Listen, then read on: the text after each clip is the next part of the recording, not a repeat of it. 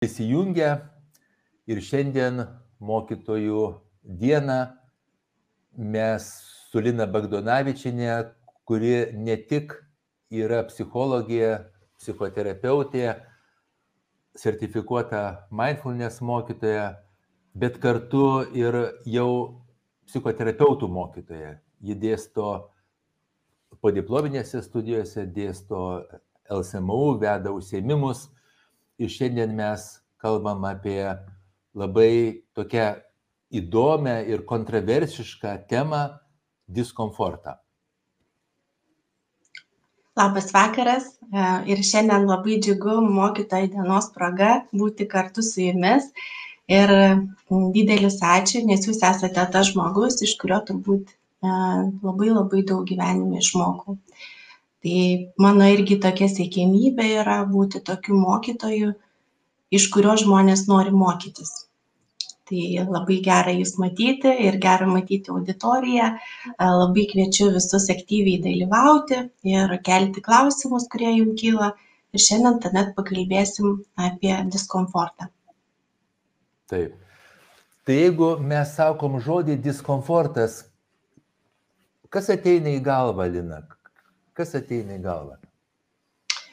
E, diskomfortas, galbūt e, pirmas dalykas, kuris ateina į galvą, tai jeigu kalbam apie tiesioginį eterį, tai tiesioginis eteris jau yra diskomfortas.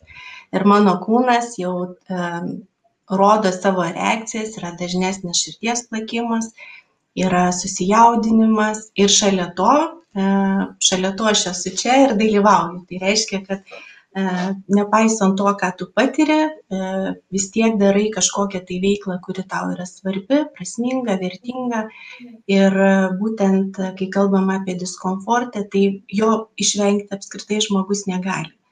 Mes turim galbūt kažkokį tai lūkestį arba žmonės turi lūkestį, kad diskomfortą kiti žmonės nepatiria, bet diskomfortą patiriame mes kiekvieną dieną ir jis yra skirtingas, tik tai labai skirtingai diskomfortą interpretuoja e, žmonės.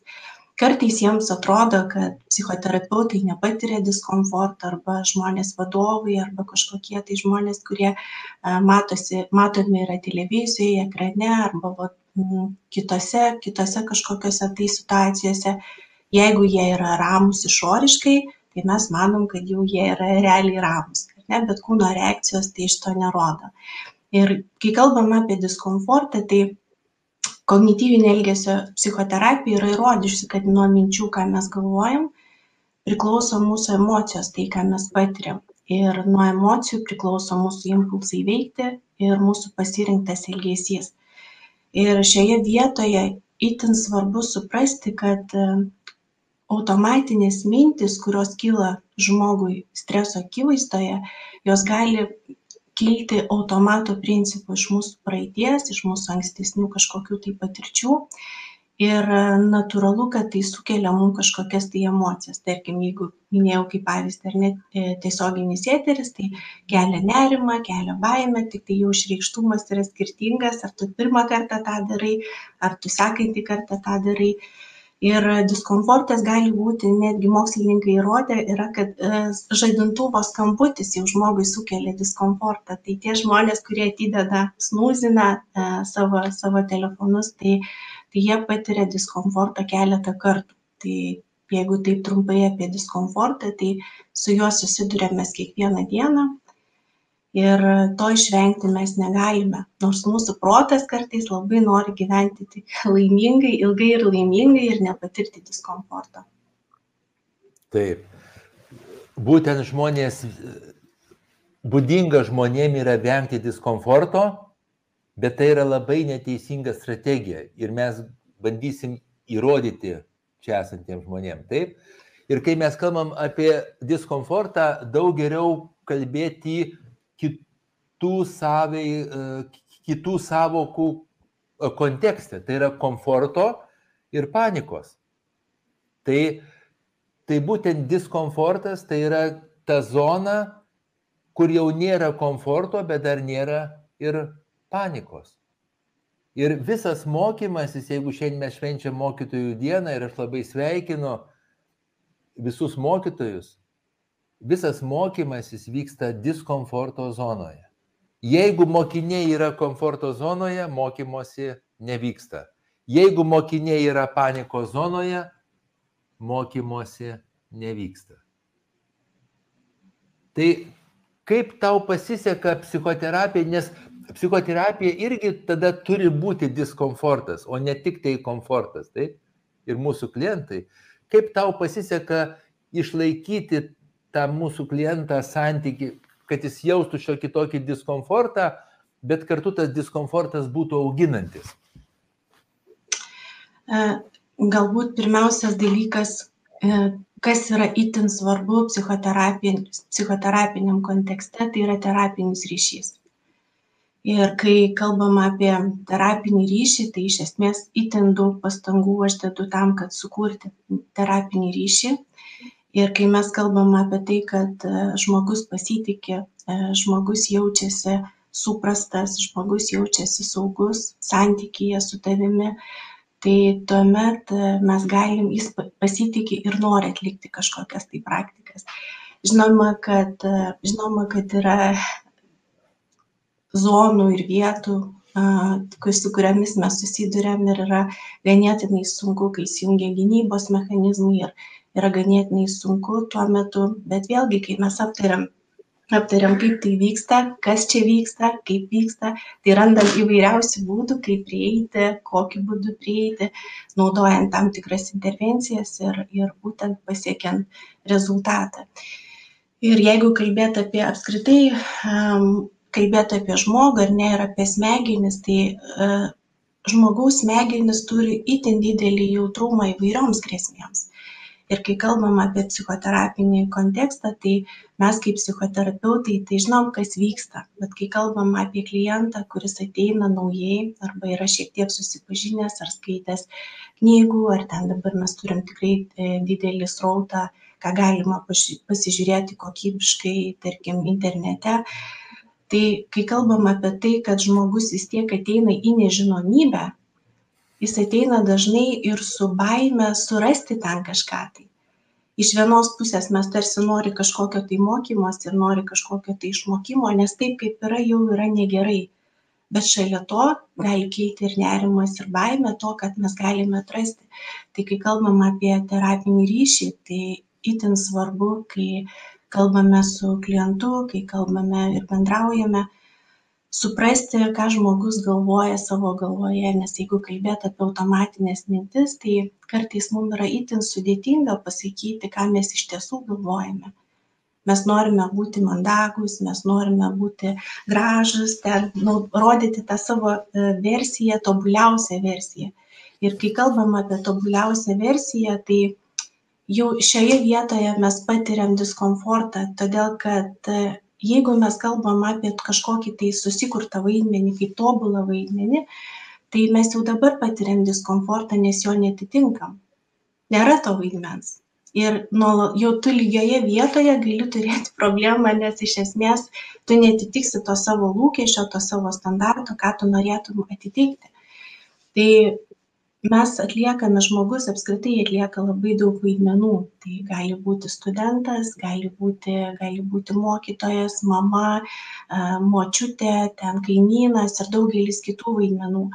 Ir iš esmės mes tuos vaidmenis e, visus atliekame ir stengiamės atliekti padaryti kaip įmanoma geriau tačiau kalbėti apie tą būdą kaip mum tai pavyksta mes nelabai norime arba tai kalbėti apie tai kas mums nepavyksta.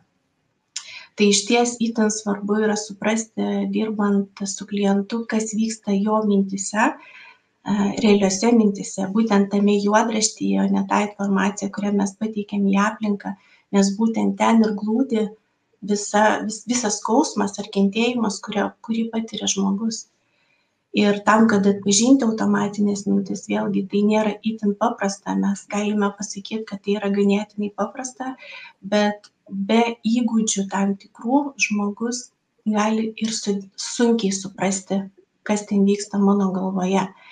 Nes jeigu kalbėt apie įvairius įgūdžius tarkim e, kažkokiu tai būdu mes galvojam kad mes žinom kaip mes mąstom bet dažniausiai, kai pradedam praktikuoti įvairiausias praktikas, ar tai mindfulness praktikos, ar tai psichoterapinės praktikas, ir, ir kalbame apie savirefleksiją, mes pradedam suprasti, kad mes savęs nesuprantam.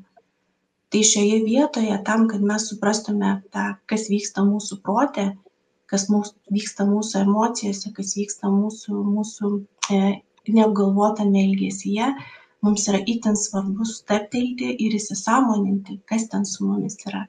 Bet jeigu mes neturim to įgūdžio, tai iš esmės mes veik, gyvename veikimo režime, darimo režime. Ir jeigu esame darimo režime, tai žinoma, kad savirefleksija gali ir nekilti.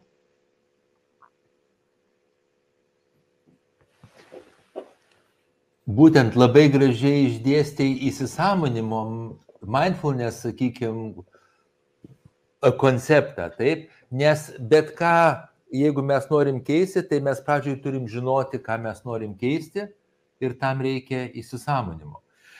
Jeigu mes grįžtumėm prie psichoterapijos, tai mes ją galim pažiūrėti kaip auginimo procesą žmogaus. Ir jeigu prasideda viskas nuo alijanso ir nuo validizavimo ir nuo besąlygiško žmogaus prieimimo, kaip ir mama prieima savo gimusi kūdikį besąlygiškai, ne? Koks gimsta, tokį ir prieima. Ir tokį myli. Taip ir mes prieimam savo klientus,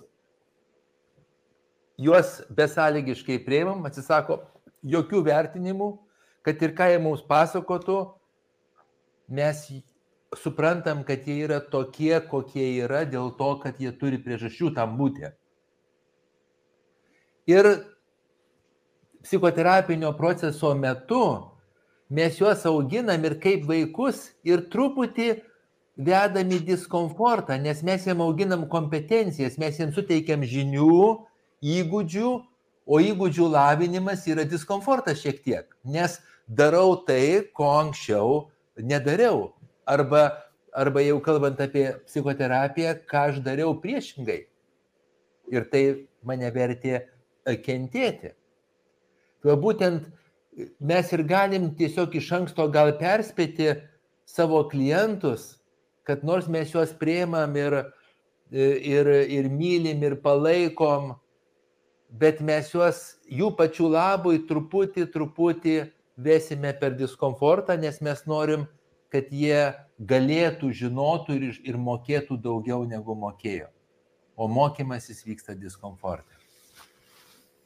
Mhm.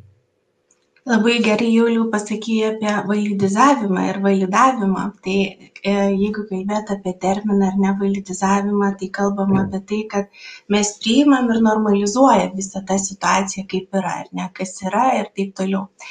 Ir jeigu kalbėt apie uh, grįžtant prie žmogaus ar ne tai mes psichoterapiniam kontekste tai mes kaip psichoterapeutai laviname šiuos įgūdžius. Bet jeigu kalbėt apskritai apie žmogų ir jo funkcionavimą ką aš stebiu šiuo metu kad apskritai valida validavimo ir validizavimo kaip tokio proceso tarp žmonių nėra likę ir jeigu kažkas nutinka žmogui ar ne nu tarkim imkime pavyzdį važiuoja važiuoja vaikas dviračiu nugriuvo ir bėga kraujas ir mama sako, nieko tau čia nėra, nieko tau čia nėra. Tai argi tai nieko nėra, ar ne? Bėga kraujas, vaikui skauda. Aišku, Arba sako, mama... pats kaltas. Arba sako, pats kaltas, aš tau sakiau, dar tau blogai, dar gausi diržo dabar. Jo, tai, tai, tai tie pavyzdžiai, kuriuos jūs pateikėt ir aš pasakiau, tai yra tie pavyzdžiai, kurie, e, kurie būtent įrodo tą invalidavimą ir iš esmės mes nebegebam tarsi priimti realios informacijos, kuri yra čia ir dabar momente. Ir kad įvyko, žmogus nugriuvo, vaikas nugriuvo, ar nebėga kraujas, ir mes nebemokam tarsi komunikuoti, kas čia vyksta. Ar ne tu nugriuvai tai būna pažiūrėkim ar tau kažką tai skauda. Ir būtent to geranoriškumo nėra. Dabar kodėl jo nėra? Todėl kad streso akivaizdoj jungiasi automatinis pilotas ir automatinio piloto metu e, žmogaus smegenys nėra sensorinio įsisąmoninimo šios akimirkos. Ir jis atreaguoja iš kažkokios tai savo iš kažkokio tai savo mąstymo. Ir ta mama kuri pamato būtent tą vaizdą ji mama galvoja apie katastrofinį scenarijų, o scenarijus yra realus toks, kad vaikui nieko nenutiko, ar ne, ta prasme nenutiko tokio grėsmingo, kaip neįsivaizdavo. Ir natūralu, kad, kad bet jos ta reakcija jinai gali būti nedekvati situacijai. Tai iš esmės, vat, jeigu kalbėti ir apie ir apie tarkim tarpusavio komunikaciją ar ne to komunikacija šeimose labai trūksta to būtent normalizavimo ir validatizavimo ir gebėjimo priimti situacijų tokios kokios jos yra be vertinimo be kritikavimo be komentavimo ir žmonės šito labai ilgisi. Ir psichoterapijos kontekste jie tą gauna. Ir kai kai tu validizuoji tuos jausmus tai labai daž geranorišku gražiu tonu tai labai dažnai ką mes sulaukiam sulaukiame itin didelio jautrumo. Ir itin didelis jautrumas rodo vėlgi tokį dalyką kad žmonės žmonės išsiilgę šito dalyko mes pripratę esam būtent prie kritiškumo komentavimo ar ne ką tu padarei blogai arba kaip galėtų būti geriau bet mes nebeturim to tokio geranoriško priėjimo pačios situacijos priėmimo. Taip. Taip, ir vėl galim grįžti prie to modelio, kad yra, kad yra komfortas, aplink jį yra diskomfortas ir paskui panika. Ir komforto zonoje mes tarsi gerai labai jaučiamės, bet iš kitos pusės mes aptinkstam mūsų kompetencijos mažėja, mūsų galimybės tvarkyti mažėja ir mūsų komforto zona traukiasi, mėlyjei. Ir vakar aš su žmona mes aptarėm, kad, kad iš tikrųjų taip daug dirbam, ant tiek daug, kad jau norisi mažiau, bet iš kitos pusės pasakėme, jeigu dabar nustotumėm dirbti visai ir abu labai aiškiai pritarėm, kad būtų regresas kad mes vis mažiau pradėtume mokėti visko ir galėti visko. Nes komforto būsna kaip narkotikai. Jinai, jinai duoda kažkokį tai pasitenkinimą, bet jinai vis mažėja. Mes priprantam ir vis mažiau tampam atsparus diskomfortui ir vis daugiau dalykų, kurie anksčiau buvo komfortas, tampa, tampa jau diskomfortas. Ir kurie buvo diskomfortas, tampa jau panika. Ir dėl to mes turim atskirti diskomfortą nuo kentėjimo. Ir tu kaip mindfulness mokytoja labai gerai žinai šitą skirtumą, tai gal pasakyk mūsų žiūrovams, koks skirtumas. Nes čia labai svarbu, nes žmonės maišo, jie maišo diskomfortą su kentėjimu. Jeigu kalbėt apie kentėjimo būseną, tai kentėjimo būseną susikūrėme mes patys skausmo ir įvairiausių krizinių situacijų mes išvengti negalime. Iš esmės jos yra su mumis, tarkim, e, įvairios krizinės situacijos, nežinomos situacijos, tačiau kentėjimo mes išvengti galime. E, būtent nepadidindami savo mąstymų, įkyrių galvojimų apie procesą, kuris vyksta. Ir jeigu kalbėt apie žmogaus smegenis, tai e, yra, tarkim, toks terminas kaip ruminavimas arba įkyrus galvojimas, dar naudojama gromulojimas, tai e, ankstesnės patirties nuolatinis pergalvojimas dar ir dar ir dar kartą, kuris žmogui sukelia, sukelia kentėjimą, nes kuo ilgiau mes būname būtent e, savo įkyriame galvojime, kuo ilgiau sukame tas pačias mintis, to mūsų savijauta e, jeigu jeigu kalbam apie mintis kurios mum kelia neigiamas emocijas tai kuo ilgiau mes galvojame tomis neigiamomis mintimis tuo mes daugiau spirale keliaujame žemyn link būtent e, neigiamos nuotaikos depresiškos nuotaikos. Ir ko pasekoje iš esmės e, mum yra ganėtinai kuo ilgiau išbūname diskom būtent toje kentėjimo ir ruminavimo būsenoje tai sprendimo ten nėra ten yra įkyrus galvojimas bet sprendimo dažniausiai toje situacijoje nėra. Ir dabar galim pabandyt prisimint kažkokią tai bendrą situaciją tarkim kažkokią tai neigiamą situaciją kuri yra įvykusi ir apie kurią galvojate bet dar sprendimo nėra. Ir pastebėsite kad mintys kurios dažniausiai kyla kodėl taip nutiko kodėl taip man nutiko kas ten galėjo būti kitaip ir taip toliau. Ir tos mintys nėra be jokio konkretumo. Tai yra labai labai apibendrintos kažkokios tai mintis, kuriuose nėra visiškai aiškaus, konkretaus e, sprendimo. Ruminavimas pats kaip procesas, jis yra reikalingas žmogui, nes mes įkiriame įvyko situacija ir mes tame galvojame galime surasti sprendimą. Bėda yra tuomet, kai kalbam apie tai, kad tas ruminavimas yra įkyrus, sprendimo mes nerandame arba neturim įgūdžių tą, to sprendimo e, būdo rasti, arba tiesiog neįsisamoniname, kad tas procesas vyksta. Ir ką galime pastebėti, tai mes galime pastebėti blogėjančią nuotaiką. Ir būtent tai įvelia mūsų įkentėjimą, ko pasiekoje iš tiesų impulsas veikti, impulsas kažkas, kažką tai daryti, jis jau sunkiai kyla ir tuo metu žmogui tikrai ganėtinai yra sudėtinga veikti kuo ilgiau žmogus išbūna būtent įkyraus nei ne neigiamo galvojimo būsenoje tuo daug sunkiau yra priimti kažkokį tai sprendimą kuris gali būti svarbus žmogaus gyvenime ir galėtų vesti į pokytį. Ir dėl to itin svarbu įsisamoninti. Vėlgi grįžtant prie įsisamoninimo, jeigu nėra įgūdžio stabtelti ir įsisamoninti, tai o tai yra įgūdis tai nėra e, kaip yra sakoma pabūkime čia ir dabar. Ne čia ir dabar yra įgūdis lavinimas. Tai yra konkre konkrečios technikos konkrečios praktikos kurios ir lavina žmogaus šį įgūdį. Tai jeigu šio įgūdžio nėra tai įkristi į įkyrų galvojimą įkyrų kentėjimą e, galime labai greitai. Gal Juliau galėtum papildyti kažką tai? Aš tiesiog noriu uždėti akcentą vat, vienu sakiniu kentėjimas yra mūsų skausmas arba diskomfortas, daugintas iš mūsų santykio su juo, iš mūsų reakcijos į jį, iš mūsų neigiamos reakcijos į jį. Mes galim patirti skausmą ar diskomfortą ir to mums nepaseks išvengti, gyvenime labai daug skausmo arba diskomforto, bet mes galim atsisakyti kentėti dėl jo. Neįeiti į tą neigiamą santykį, oi koks aš vargšas ir taip toliau aš nemčiu.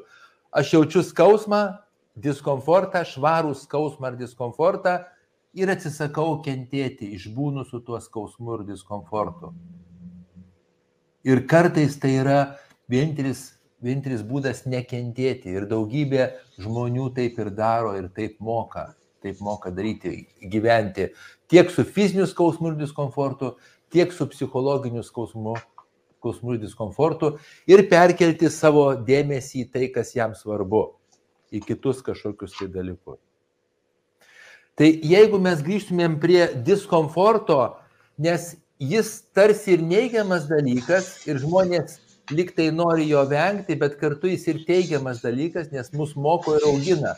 Tai jeigu mes pažiūrėtumėm per gyvenimo eigoj, nuo vaikystės, vat kaip tavo nuomonė, mes, turėtum, čia mes turim klausimą, kaip, kaip elgtis, jeigu naujoje mokykloje vaikui yra nedrasu ir baimė. Ką daryti? Tai kaip vaikystės amžyje tvarkytis ir panaudoti diskomfortą geriems dalykams. E, tai jeigu, jeigu kalbam apie patirtis, kurias, kurias patiria, e, čia konkretus klausimas buvo, ar ne, iš, taip, iš čiato. Taip, mhm. taip. Mhm. Anksčiau jis buvo tai, užduotas prie prieš mūsų transliaciją. Mhm. mhm. Jo, tai, tai iš esmės, jeigu mes, vaikas turi baimę, mums yra itin svarbu suprasti, ko jisai bijo. Nes jeigu mes nesuprantame, ko tas vaikas bijo, tai sunkiai mes jam galėsime ir padėti. Ką mes galime padaryti ir pabloginti situaciją, ar ne, tai palaikyti tą jo baimę nes kuo ilgiau mes palaikome baimę įsijungia tarkim vaikas nenori eiti į mokyklą nes kažko tai bijo ir mes priimame tai kad nu jisai bijo ir dėl to mes neiname į mokyklą tai ta baimė jo tikrai nemažėja priešingai baimė didėja. Jeigu mes išsiaiškiname ko jis bijo tarkim e, jisai bijo nueiti tam tikrą kelią iki iki mokyklos tai mes išsiaiškiname priežastį e, priežastis yra nueiti tada galėtume dar tikslintis gal kažkokių tai vietų konkrečių bijo gal kažkokių tai žmonių konkrečių bijo gal buvo kažkoks tai įvykis susijęs su mokykla e, gal jisai baiminasi jeigu pas vaiką yra truputį socialinio nerimo ar ne gal tai yra pirmos patirtys ir tai jam yra visiškai nauja tai mes tada kai išsi išsiaiškiname kokios yra konkrečiai baimės priežastis, tuomet mes jau galime ir atliepti į tą vaiko baimę, sugalvodami būdus, kaip jam padėti. Ir jokių būdų nepatvirtindami vengiančio elgesio, kad jeigu bijai, tai ir neik. Nes jeigu mes kalbam apie tai, kad mes išsakom, kad jeigu tu bijai, tai neik, tai mm, baimė tik didės. Ir kuo daugiau vaikas, tarkim, neina vieną dieną, neina antrą dieną, jis vis tiek žino, kad jam reikės eiti į mokyklą ir viduje kyla nerimas dar didesnis. Tai kai kalbam apie tai kad kažkada tai reikės nueit tai gali jau būti ir ta panikos zona jau ne diskomforto ne baimės zona bet jau panikos zona su tam tikrais irgi ir kūno reakcijom ir taip toliau. Tai tai šitoj vietoj itin svarbu. Galbūt mes galime jeigu išsiaiškiname ar ne kad vaikui vaikas nėra tikras kaip nueiti ar jam neramu. Gal mes galime parepetuoti būtent. Vaikas eina priekyje, ar ne, mes kokiais keliais žingsniais į priekį, jis eina e, priekyje, at, at, at, pasižiūri atgal, mato, kad mes einame iš paskos, vėl jisai saugiai eina, tada didiname atstumą ir labai kantriai viso šito mokome, tol, kol vaikas jau ramiai gali keliauti į, į savo mokyklą. Gal buvo įvykis kažkoks, tai kartais būna kažkokie įvykiai. Tai jokių būdų nepalaikyti vengiančio elgesio nes vengiantis elgesys tiktai mažina žmogaus savivertę ir, ir didina e, vengiantį elgesį ir baimę. Taip, ir, ir buvo kitas klausimas, kad e, svetimoje šalyje gyvenant, emigravus, 12 metų vaikas nesimoko šalies kalbos ir kaip galima jam padėti tai. Tai jam yra diskomfortas, jisai vengia. Tai galime naudoti visus metodus, kaip sakė Lina, kad laipsniškai, bet labai iš meilės ir labai palaikant, nekaltinant, nedurninant tą vaiką, nesakant, kad jisai silpnas arba blogas. Ir darant tą mokymosi procesą maloniu. Tai pavyzdžiui, aš mokiau savo mergaitės anglų kalbos, jos dabar puikiai angliškai anglų kalbą valdo, aš leisdavau žiūrėti multikus tik tai angliškai. Kai jos, kai jos buvo nedėlės. Jos galėdavo žiūrėti multikus, kiek tik nori, bet tik tai angliškai. Ir tas vaikas gali žiūrėti filmus tik tai ta kalba, kurią jam reikia mokytis. Patys mes galim užduoti jam klausimus, arba atsakyti šitą kalbą ir viską daryti žaismingai, lengvai, su palaikymu ir apdovanojimu. Ir jūs matysite, kaip greitai 12-metis vaikas persilauž. Jeigu mes jį kaltinsim, jeigu mes jį bausim, jeigu mes nuo jo atsiribosim, tada ta jau bus ne diskomforto zona, bet panikos zona arba atmetimo zona. Joje mokymasis nevyksta. Ir mokymuisi reikia nuolatinio apdovanojimo, nuolatinio. Ir, ir einant į mokyklą, tvarkantis su, su baimės mokyklos ir su, ir su socialiniu nerimu, irgi reikia mums apdovanojimo. Mūsų smegenys labai tai mėgsta. Eikim amžimi į priekį. Jau kalbant apie, apie apie jaunuolius, kalbant apie jų santykius, e, tarpusavio santykius su trokštama lytim, santykius su bendramžiais, kaip čia mes galim e, panaudoti diskomfortą geram. Aš dar gal truputį norėčiau grįžti prie, prie to atveju apie vaiką ir atkreipti tokį dėmesį, kad e, su kuo man kartais tenka susidurti, tai kai reikalavimas yra vaiko, kad vaikas mokėtų jau, o vaikas tiesiog neturi galbūt tokių gebėjimų tą daryti. Ir tuomet yra itin svarbu suprasti, kad gali būti, kad kalbos mokymasis, ar tai kalbos mokymasis, ar tai kažkokio tai dalyko mokymasis yra sudėtingesnis. Ir šitoj vietoj visais būdais kai vaikas jaučia reikalavimą iš mūsų, kad mes tarsi, žinot, o tai vyksta nesąmoningai. Mes nesąmoningai keliam ganėtinai aukštus reikalavimus. Ir šioje vietoje mes tarsi norim, kad tas vaikas jau mokėtų, bet mes patys kartais nenorime dėti pastangų tam, kad padėti. Ir vaikas tuomet atsiduria tokioje situacijoje, kad mokykloje yra reikalavimas, kad jisai mokėtų, namuose yra tarsi reikalavimas, kad jisai mokėtų, o jam neišeina mokytis. Arba jisai neranda savo prieinamų, taip kaip Julius ir sakė, kad nėra nėra prieinamo būdo tai tada itin svarbu paieškoti tų būdų. Bet šioje vietoje jokiu būdu nepalikti vaiko vieno su tuo mokymosi kad nu jisai mokytųs. Gali būt kad mes žaidybine forma ar ten kamuolį mėtom ar ne sakom žodį metam kamuolį. Ieškoti įvairiausių būdų kad jam tai būtų įdomu tai kaip julius ir kalbėjo. Bet atkreipti dėmesį į tai kad mes patys kartais keliam reikalavimus neįsisąmonindami, kad jis jau mokėtų ir neižvelgiamo fakto, kad šiuo metu dar neišeina. Mhm. Ir dabar tada grįžtant prie jaunuolių, apie santykius jo. Tai apie santykius, tai apie, ar čia buvo kažkoks klausimas konkretus apie santykius? Ne, čia, ne, čia mano, aš noriu perėti per visą žmogaus amžių ir prieiti net iki senatvės ir net iki mirties.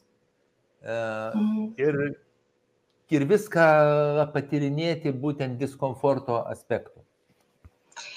Tai jeigu kalbam apie jaunuolių tą etapą ir ne, tai vėlgi mes patiriam, kiekvieną dieną patiriam daugiausiai, daug labai iššūkių. Nes, kaip jau ir minėjau, tas perfekcionizmas ir noras atrodyti gražiai, būti labai protingu ten, kad su manim bendrautų ir taip toliau yra šitie poreikiai ir tokie lūkesčiai yra bet susiduriant su aplinka ir su gyvenimu mes pastebim kad galbūt kitiems pavyksta geriau. Mes pradedam lyginti save su kitais žmonėmis. Mes galvojame kad jiems atro visa tai yra šiek tiek lengviau negu mums. Ir mes galbūt irgi nežinome būdų kaip su tuo tvarkytis. Nes jeigu kalbėti apie diskomfortą tai diskomfortas gali kilti bet kurioje mums nežinomoje situacijoje mums gali trūkti žinių mums gali trūkti įgūdžių mums gali trūkti pasitikėjimo savimi. Ir šioje vietoje jeigu mes neugdome savo kompetencijų tose srityse kur matome kad trūksta mums žinių ir neiname į naujas patirtis aš turėjau tokį atvejį kad um, išsiprovokavo žmogui panikos ataka vien dėl to jog reikėjo važiuoti dviemis autobusais užsienio mieste nes tas žmogus visiškai nu nėra važinėjęs autobusais apskritai jis važinėdavo tik automobiliais. Tai mes kai kalbam apie tai ką žmogus išgyvena tai mes laipsniškai laipsniškai einame į diskomfortą keliančias patirtis mes adaptuojamės. Bet kartais mes patiriam jeigu mes esame įmesti į tam tikrą situaciją tai mes patiriam panikos zoną ko pasekoje kartais apsisprendžiame nebeveikti arba atsisakyti tam tikrų dalykų kas vėliau nulemia apskritai visą mūsų gyvenimą mūsų pasirinkimai kurie yra dabartyje kurie gali būti e, neįsisąmoninti gali turėti įtaką mūsų ateičiai. Ir šioje vietoje kai kalbam apie e, ištoleravimą diskomforto tai tas diskomfortas ir įgūdžiai kaip tą daryti yra itin svarbūs bet kuriame gyvenimo gyvenimo etape. Taip ir mes turim klausimą e, apie vaiką vėl, kai, kai vaikas jaučia diskomfortą, e, kai, kai, kai jam velka rūbus per galvą ir, ir jaučia didelį pasipriešinimą, kai kas liečiasi prie jo galvos, jos galvos. Tai, tai būna, čia, čia turi tokio obsesyvumo e, tas vaikas, matyt, biologiškai. Tai e, gydimas būtų arba pagalba tam vaikui be negeriausia yra ekspozicija.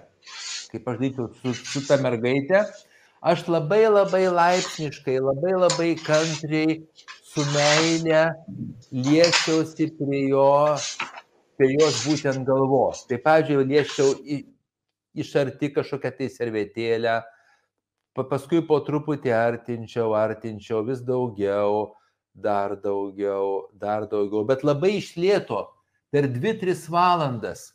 Ir po truputį, po truputį, ir paskui dar daugiau lieščiau, ar kažkokią nosinę, ar dar kažką tai.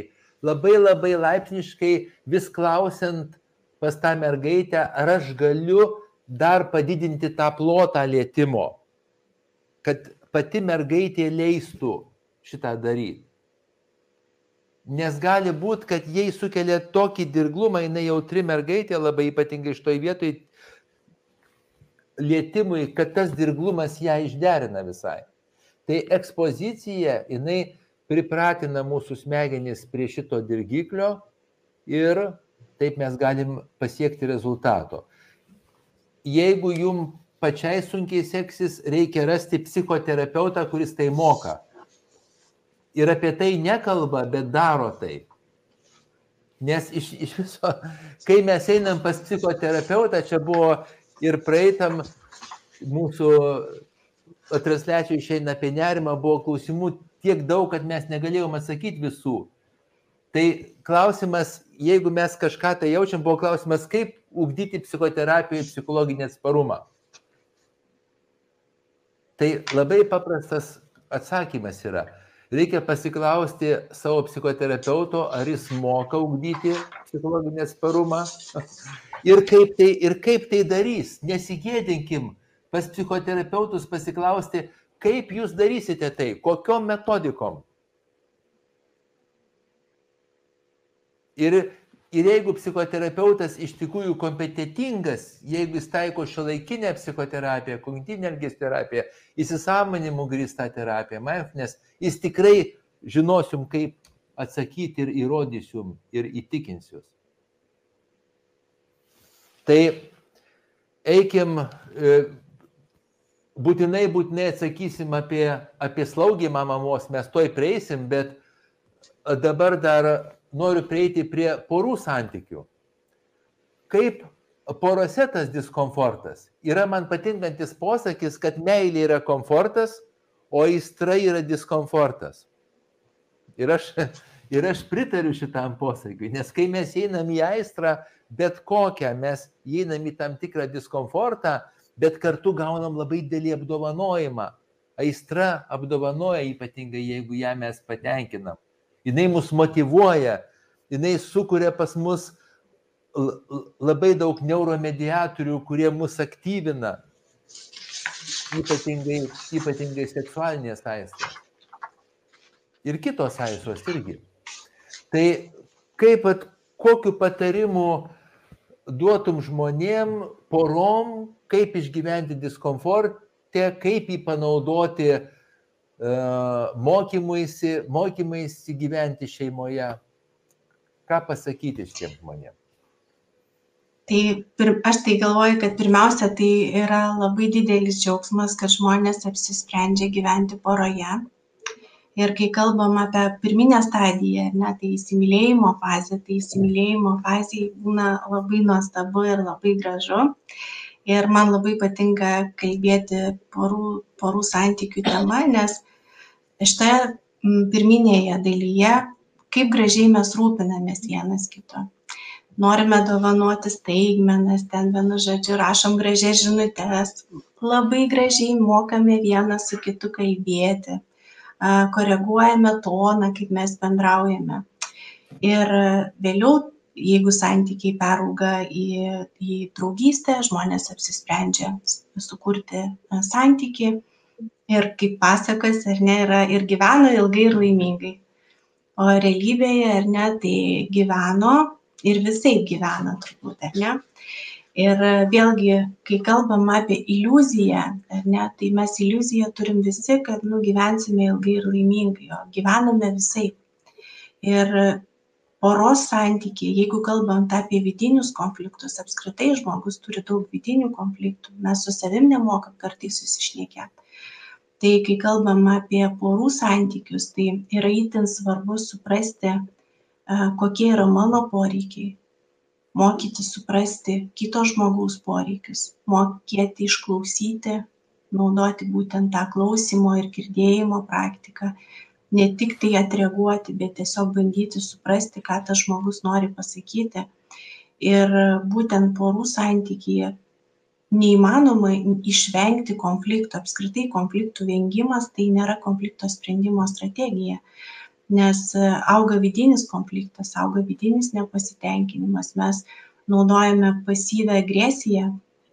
Ir, ir šioje vietoje abi, abi pusės kenčia, nes jeigu yra konfliktas poroje, tai ar tu laimi tame konflikte, ar kitas žmogus laimi, tai jeigu tu laimi, kitas vaikšto nelaimingas, o jeigu kitas laimi, tu vaikštai nelaimingas. Tai iš esmės itin svarbu yra suprasti, kad mm, konfliktas yra, e, tarkim, ta vieta, kur mes galime suprasti, ko mes norime. Galime išsigryninti savo poreikį ir kai mes pradedam suprast save, ko mes norim, tai mes galime kito žmogaus ir paprašyti tai, kas mums yra svarbu. Ir vėlgi poros santykiuose yra itin svarbu, kai mes pastebim ir stebime savyje, kad e, kartais ne visuomet pavyksta pasirūpinti savimi, tai lygiai taip pat kartais mes nenorime pasirūpinti ir savo artimų žmogum. Nu, mes labai norim, kad mumis rūpintųsi, bet dėti pastangų tam, kad pasirūpinti kitų mes kartais nenorime dėti tai porų santykyje e, yra įvairiausių momentų yra labai gražių akimirkų yra yra konfliktų bet e, tai ir yra būtent santykių dinamika jinai kinta. Ir kuo mes daugiau pradedam suprasti kas vyksta mūsų gyvenime kas vyksta mūsų prote mūsų mintyse mūsų emocijose kai įsisąmoniname kokie yra trigeriai arba e, būtent tie stimulai kurie mus išprovokuoja kai mes gebame suprasti kas vyksta ir kokie stimulai išprovokuoja mes galime paprašyti kito žmogaus kad e, tam tikrus e, dalykus darytų taip kaip mes norėtume. Ir jeigu žmogus žmogui mes esame svarbūs tai jisai stengiasi atliepti. Lygiai taip pat jeigu kitam žmogui yra kažkas tai svarbu tai mes irgi mokomės girdėti. Ir poros santykyje itin svarbu yra pradėti nuo savęs ir aš labai dažnai kalbu kad kai jau pradedam būti nepatenkinti partneriu tai visada pagalvokime kada paskutinį kartą aš kažką tai gero jam padariau. Ir tada pradėsim sukt atgal ir pamatysim kad vis dėlto ir aš kažko tai nedadariau. Ir tuomet kai mes pradedam tą santykį šildyti tuomet mes matom jau ir kitą rezultatą. Ir žmonės mokosi labai dažnai ne iš teorijos o iš elgesio ir jeigu su manimi gražiai elgiasi aš labiau noriu klausyti kito žmogaus labiau noriu atliepti tai ką jisai sako. Ir tai augina mus kaip porą ar ne augina žmones poroje ir mes kartu būtent ir bręstame. Nes gali būti vieni santykiai kai tau yra dvidešimt metų visai kitas santykis kai tau yra keturiasdešim metų dar kitas santykis kai tau yra šešiasdešimt metų poroje ir gali būti kad vienu gyvenimo etapu vieni poreikiai yra svarbesni kitais gyvenimo etapais kiti poreikiai yra svarbesni. Bet klausymasis kalbėjimas išsigryninimas savo poreikių supratimas kito žmogaus poreikių yra pagrindiniai momentai poroje. Nu būtent į tą laimingą santykį kurio mes visi norime. Ir svarbus akcentas yra būtent į tai ką aš darau. Ir ką aš stengiuosi padaryti. Taip pat stebėjimas kito žmogaus mokėjimas paprašyti tai kas man yra svarbu o ne įsivaizduoti kad jisai supranta. Tai vat tam mums yra duotas kalbėjimas kad galime tą pasakyti ir vat labai svarbu įsisąmonint kad kit jeigu tu tyli tai kitas žmogus tikrai nesupranta ką tu galvoji. Mhm. tai būtent svarbu ištransliuoti tai. Mhm taip ir mes turim klausimą apie apie kaip sumažinti norą kontroliuoti ir tai sąmoninti santykiuose.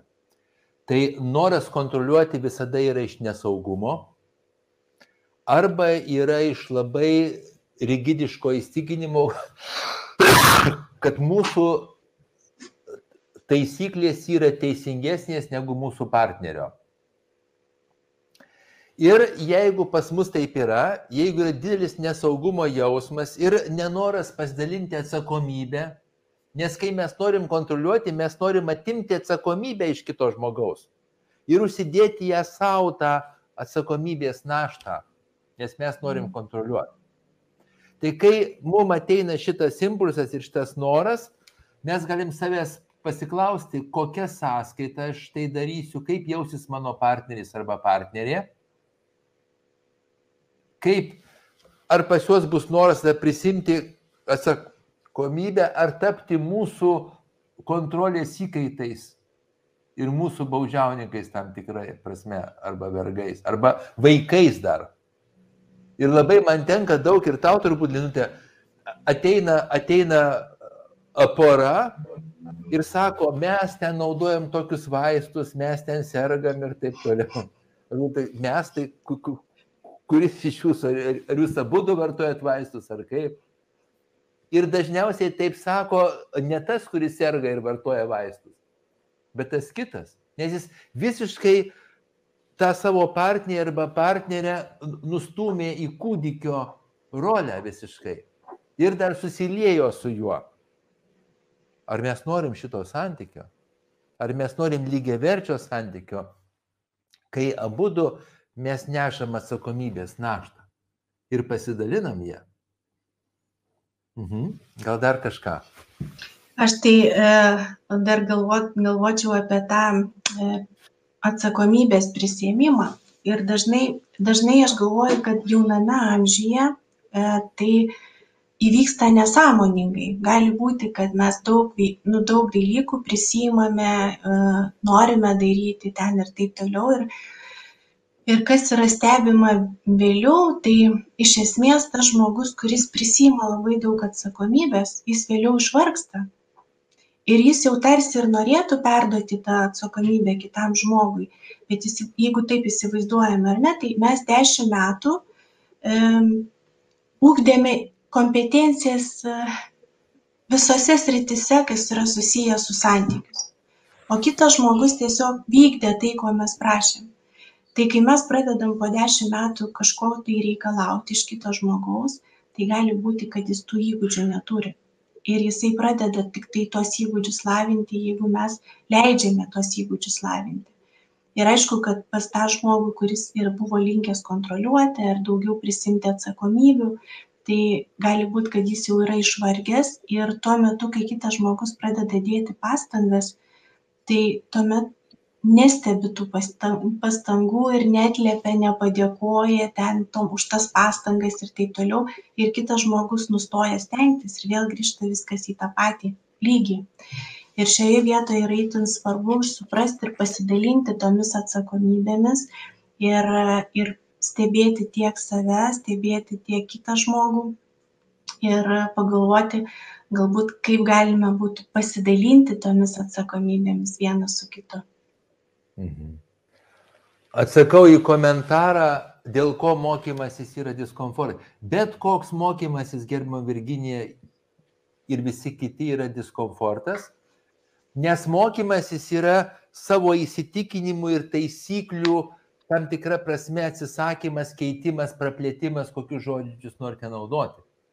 Bet tai vyksta tik tai diskomforto zonoje, ne tik tai įgūdžių lavinimas, bet ir naujos žinios irgi mums sukelia, mums sukelia tam tikrą prasme diskomfortą. Ir žinių gavimas mums sukelia tam tikrą prasme diskomfortą pats procesas. Bet teisingas mokymas jis yra diskomfortas, kuris baigėsi apdovanojimu didesniu, didesniu komfortu. Iš viso, jeigu mes einam į ekspoziciją su diskomfortu ir lavinam įgūdžius susitvarkyti su diskomfortu, didinti savo įgūdžius, mūsų komforto zona plečiasi, mėlyje. Mes vis daugiau situacijų jaučiame komfortą. Jeigu jūs mane būtumėt matę prieš pusantrų metų, kaip aš pirmą kartą pradėjau filmuotis, aš buvau panikoj, ne tik tai diskomforte, aš sakinio nepasakydavau, aš dar esu labai stipriai mikščiuojantis žmogus. Mane filmuodavosi, ten jau šaipydavosi iš manęs tas operatorius, kiek aš ten galiu kartų e, kartoti tą patį sakinį. Bet aš labai norėjau ir kantriai dariau, bijau, nenoriu, bet darau vis tiek. Ir tada, jeigu mes norime gerai šokti, mes turime pradžiai blogai šokti. Lina žino šitą mano sakinį, kur aš, kur aš mokau savo mokinius, psichologus ir gydytojus. Mes turim blogai šokti ir vis tiek šokti. Ir tai yra vienintelis būdas po to gerai šokti ir gauti plojimus ir, ir galėti jausti komforte. Jeigu mes norim plėsti savo komforto zoną, mes turim mokytis išbūti ir tvarkyti su diskomfortu.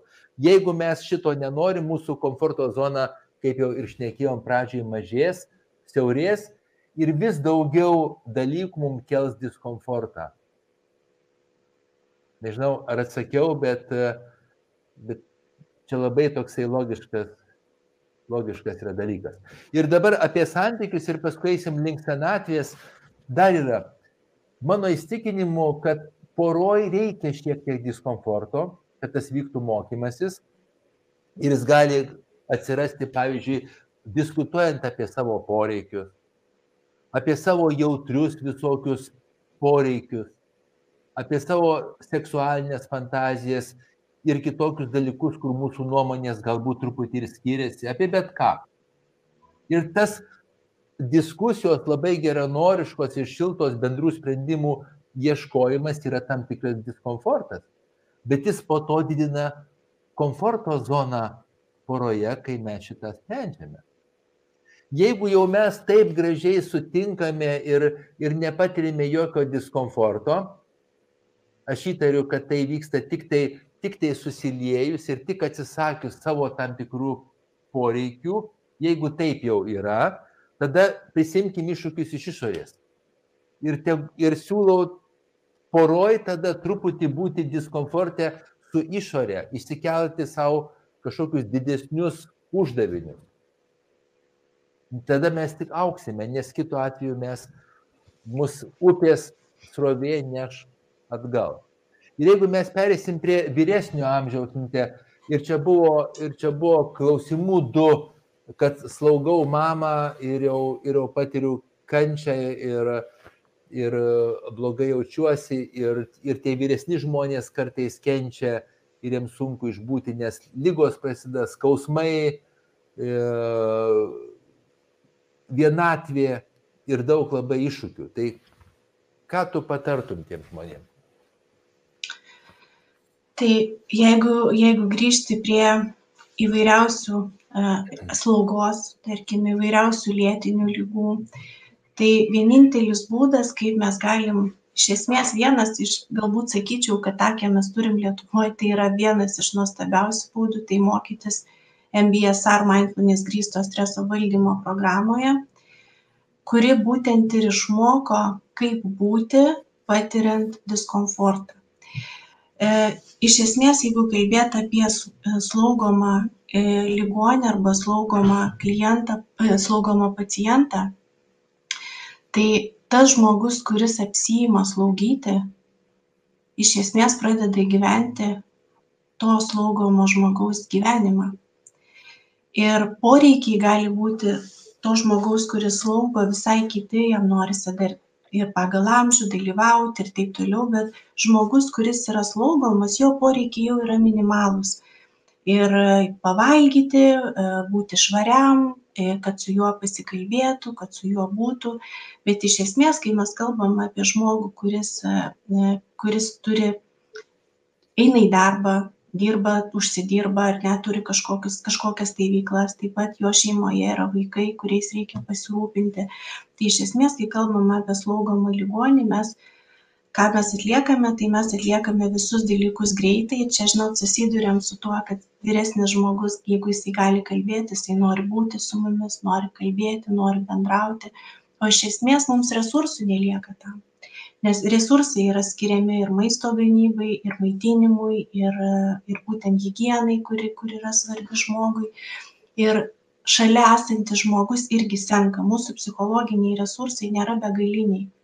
Ir jeigu mes neturime būdų kaip būtent ugdyti savo psichologinį atsparumą tai natūralu kad kad mūsų būtent tos psichologinės būtent ta tas ta psichologinė būklė jinai negerėja o priešingai jinai blogėja.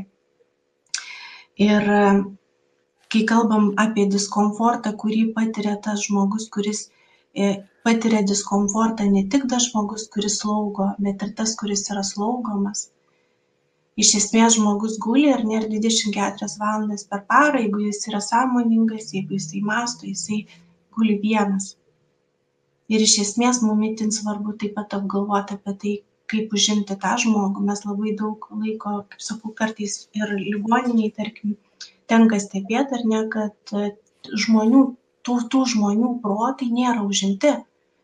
Ir dvidešim keturias valandas per parą jie ten dalyvauja. Tai ką jie tuomet pradeda daryt? Jie laukia mūsų laukia, nori su mumis pabendrauti.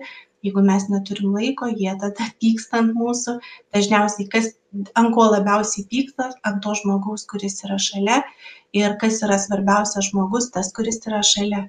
Tai iš esmės mes ir susidurėm su tokiu stipriu e, diskomfortu ir su realybe. Ir būtent e, psichologinio atsparumo įgūdžiai šioje vietoje įtin padeda. Taip pat e, e išoriniai resursai, tai yra pagalba iš kitų žmonių ir mokytis prašyti pagalbos nuo mokytis gauti tą pagalbą negalvoti kad mes čia šimtu procentų privalom būti ir geriausi slaugytojai leisti kitiems žmonėms pasirūpinti leisti galbūt tą žmogų kurį laikotarpį pagulėti ligoninėje ar net pailsėti. Tai labai gerai apgalvoti kaip kaip funkcionuoti su slaugomu slaugomu pacientu nes jeigu jūs e, jeigu jūs nusilpsite tai kas tuomet juo rūpinsis ir šioje vietoje itin svarbu dėti daug pastangų tam kad e, stabilizuoti savo psichologinę ir fizinę būseną kad galima kaip įmanoma geriau pasirūpinti slaugomu ligoniu šalia to nepamiršti kad jeigu mes auginame vaikus kad tiems vaikams taip pat yra reikalingas tėtis ir mama kurie galbūt jau yra išvargę ir irgi neturi laiko. Tai labai mokytis ir galvoti kokiais būdais mes galime e, sau padėti kas mums galėtų padėti gal iš šeimos narių, gal tai yra gydymo įstaiga, kur galėtų kažkas ateiti. Ir jeigu kalbėt apie būtent apie savo mm, psichologinę, psichologinę būklę, tai ieškoti įvairiausių būdų, kaip galime savo padėti, savo priimtinais būdais atsistatymui. Taip. Tai jeigu vienu sakiniu aš apibendrinčiau, man teko slaugyti ir savo mamą prieš mirtį keletą mėnesių labai taip stipriai ir ir sunkiai sergančią ir tėtį mes su seserim e, dviem e, pasikeisdami darėm. Tai labai svarbu daryti tai, ką galime, bet nedaugiau ir pasirūpinti savimi. Tas irgi labai svarbu. Ir, ir praeiti nuo bazinių poreikių, nuo to žmogaus bazinių poreikių užtikrinimo, bet labai prisiminti ir savo, ir savo bazinius poreikius. Tai yra svarbu. Ir kalbant apie diskomfortą, jeigu einam, e, buvo klausimas, kaip vyresniam amžiui e, žengti į, tai iš tikrųjų reikia pasiklausyti, dėl ko aš noriu žengti į diskomfortą. Ir, ir visada mums bus lengva mokytis net ir diskomforto zonoje, jeigu mes žinosim, kokio vertybėmis grįsto tikslo, mėlyjei, mes siekiame. Nes jeigu mes žinosim, kad mes siekiame mūsų vertybėmis grįsto tikslo, tai mums labai svarbu, tai mes galim labai didelį diskomfortą pakelti. Žmonės žūsta, miršta, kenčia, yra kankinami ir išbūna dėl savo vertybių, dėl savo tikslo. Tai labai svarbu įsikelti teisingą tikslą ir tada bus lengva eiti ir mokytis, eiti ir daryti. Ir aš dar kartą noriu gražinti, kuo daugiau mes mokysimės, kuo daugiau mes išbūsime su diskomfortu, tuo daugiau komforto zona mūsų plėsis. Ir vis daugiau dalykų mums bus komforto zonoje. Tik tai apsileisim ir komforto zona mažės. Sunkus laikai gimdo stiprius žmonės, mėlyjeji. Stiprų žmonės laikus daro lengvais, lengvi laikai gimdo silpnus žmonės silpni žmonės lengvus laikus daro sunkiais. Čia yra auksinės mintys, auksinės. Dėl to mes ir turim, dėl to mes ir kalbam su Lina, kad nebijokime diskomforto, eikime į jį, nes jis mus stiprina ir augina, jis didina mūsų psichologinį atsparumą. Ir tada... Aš dar norėčiau. Taip. Aha. Aš dar norėčiau papildyti į, į tą klausimą, kurį žmogus sako, kad e, kaip žengti tą pirmą žingsnį. Tai mano toks atsakymas būtų, kad jeigu jums kilo mintis, kad jūs kažkur norite žengti, kilo mintis, tai reiškia, tai jums yra svarbu. Nes tai, kas mums nesvarbu, mums mintis nekyla. Ir jeigu jūs ten norite žengti žingsnį, tai reiškia, gali būti, kad ten jums yra vertinga. Ir jeigu kalbėti apie tai, kaip žengti žingsnį, tiesiog įsipareigoti ir eiti. Ir tiek įsipareigoti bijau ten nenoriu bet paskambinu užsisre užsiregistruoju į sporto salę tarkim jeigu tai mano sporto salė ar ne arba jeigu aš noriu išmokti piešti tai pasiskambinu susirandu kur piešti. Nežinau ant feisbuko sienos parašau kad gal kažkas iš draugų mano žino ką kur kur galiu papiešti. Ir tiek ir labai aš kažkaip labai norėčiau visiem pasakyt tokį dalyką kad jeigu mums šauna kažkokios tai mintys ar ne apie kažkokias veiklas, apie kažkokius dalykus. Vadinasi, mums tai yra svarbu. Nes jeigu tai nebūtų svarbu, mums nešautų į galvą. Ir šioje vietoje tada pagalvoti, kas mums trukdo ten eiti, ar tai mūsų disfunkciniai įsitikinimai, ar aš ten per senas, ar aš ten nemokėsiu, ar ten kažkas tai bus. Ir suprasti, kad mūsų mintis yra tik mintis, mintis ne visuomet yra faktai. Ir kai mes suprantame, ko mes norime, tiesiog apsispręsti ir eiti patiriant tą jausmą nemalonų, patiriant diskomfortą ir sprendžiant jau ten po kelių kartų pažiūrėti, ar ten man tinka ar netinka. Tada jau tikrai žinosime, tinka ar netinka. O dabar, kol nežengiam to žingsnio, tai mums mes ir liekam toje dviejojimo stadijoje. Taip. Ir dar kartą atsakau gerbamai Virginijai, tai kad mokymasis vis tiek yra diskomfortas, net ir teorinis mokymas, bet jo vaisiai yra komfortas. Ir kartais mes supainėjom vaisius su pačiu procesu. Pats procesas mokymosi, jisai, jisai yra tiek malonus, kiek mes suvokiam ir džiaugiamės to vaisių iš karto. Pavyzdžiui, skaitom knygą ir po kiekvieno sakinio pasidžiaugiam bet vis tiek tai yra rezultatas, bet ne procesas. Bet tam mes turim skaityti knygą, o negulėti e, kažkur tai atokai. Negulėti tarp knygų. galim gulėti tarp knygų arba galim skaityti knygą. Taip. Tai dabar eikim prie klausimų jau, Lina, nes, nes iš tikrųjų jau mūsų laikas eina į pabaigą ir toks labai įdomus klausimas prieš, prieš mūsų transliaciją buvo užduotas, kaip išvengti neigiamų gyvenimo įvykių daromos įtakos šeimai ir kaip nesuteikti neigiamiam gyvenimo įvykiams tokios galios. Kaip aš suprantu, tas žmogus, kuris klausė, patyrė neigiamų gyvenimo įvykių ir kažkaip užsifiksavo juose ir tada šeima jo kaip ir kenčia. Tai aš siūlau, aš siūlau šitam žmogui ir visiems mūsų žiūrovam ir visiems mūsų klausytojams su praeitį meltis taip. Save atjausti, suprasti, nekaltinti jokių būdų, suprasti savo kritinius balsus, juos užtildyti ir nuolat atsikėti, ko aš pasimokiau iš, to, iš tų įvykių, ką aš galėjau išmokti iš tų labai skausmingų pamokų, mėlyjei. Ir dar noriu pasakyti tą mintį, kur aš mokau savo mokinius, kad jeigu labai brangiai sumokėjom už mokslą, tai turim gerai pasimokyti. Jeigu mes patyrėm labai daug skausmingų dalykų, tai yra brangus mokestis už mokslą. Tada atsigręžkim ir pasimkim viską, ką galim iš tų pamokų. Bet tik niekad neapibendrinkim, kad visi žmonės blogi, visi žmonės grėsmingi ir taip toliau. Sukonkretinkim.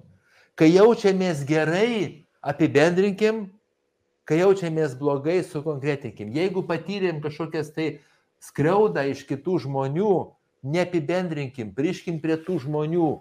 Dauguma žmonių geri mėlyjei, dauguma žmonių yra saugus ir palaikantis, nes kitaip žemė būtų susprogusi. Gal bus ir kitaip, aš nežinau, bet iki šio momento taip yra. Mes turim didesnį šansą gauti pagalbą, negu gauti grėsmę iš kitų žmonių. Visko yra šioje žemėje, bet, bet gerų žmonių, palaikančių žmonių yra daugiau. Tai Galina, tu kažkokį klausimą imtum atsakytum. Aš dar galvoju apie tą situaciją, kurią, kurią prieš tai kalbėjote, ar ne? Tai, tai e, jeigu e, grįžti prie tai, kad įvykusi, įvykusi situacija dažniausiai visada palieka kažkokių tai minčių.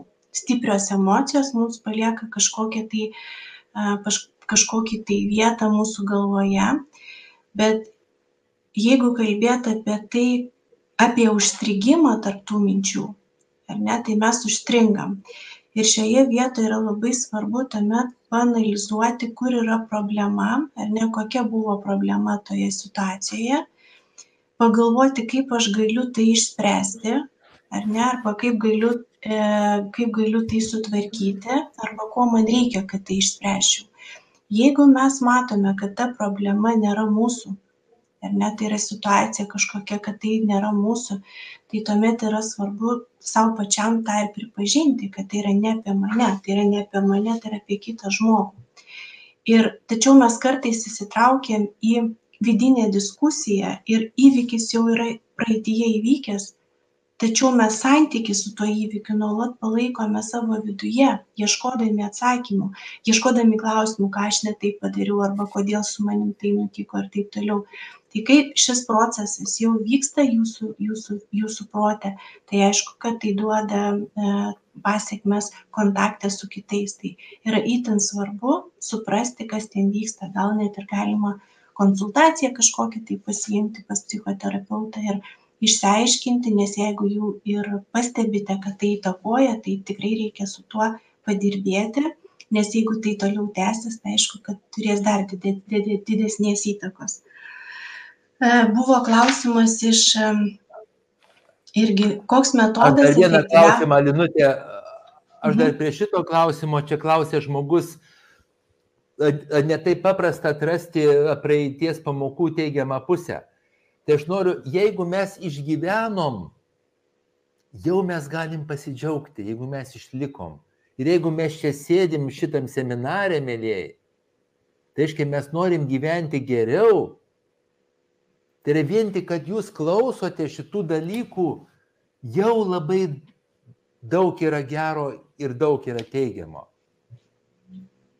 Nes daug žmonių dabar geria, šiuo metu mušasi, kažkur tai trainėjasi. Taip, sutinkat? Eina į konfliktus, skriaudžia savo vaikus, ar kažką tai dar daro negatyvaus.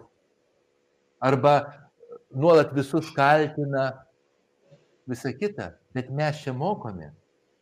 Tai, tai labai svarbu atsiverti ir, ir save truputį pagirti taip, kartais už tai, ką mes darom ir, ir ko mes siekiam. Mhm. Ir, ir aš pritariu Juliau ir aš dar noriu atsakyti irgi tą, net nėra taip paprasta atrasti tos praeities pamokos teigiamą pusę.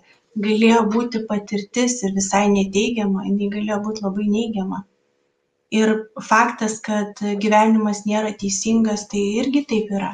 Ir gali būti kad su mumis pasielgė neteisingai. Tiktai šioje vietoje yra svarbu suprasti kas nuo manęs priklauso toje situacijoje ir ką aš darysiu dabar jau su ta situacija kuri yra įvykusi. Tai šitoj vietoj aš gali būti kad labai neteisingai su manim pasielgta buvo. Tai ne visada yra situacijos kažkokia teigiama pusė. E, taip, tai e, koks klausimas buvo, koks metodas efektyviausias atstatyti prarastą energiją? Galbūt e, pirmiausia, tai geriausia būtų taip jau neišvaistyti tos energijos ir, ir tada nebus ką atstatinėti, bet aišku, aš čia e, juokauju, iš esmės e, e, surasti balansą.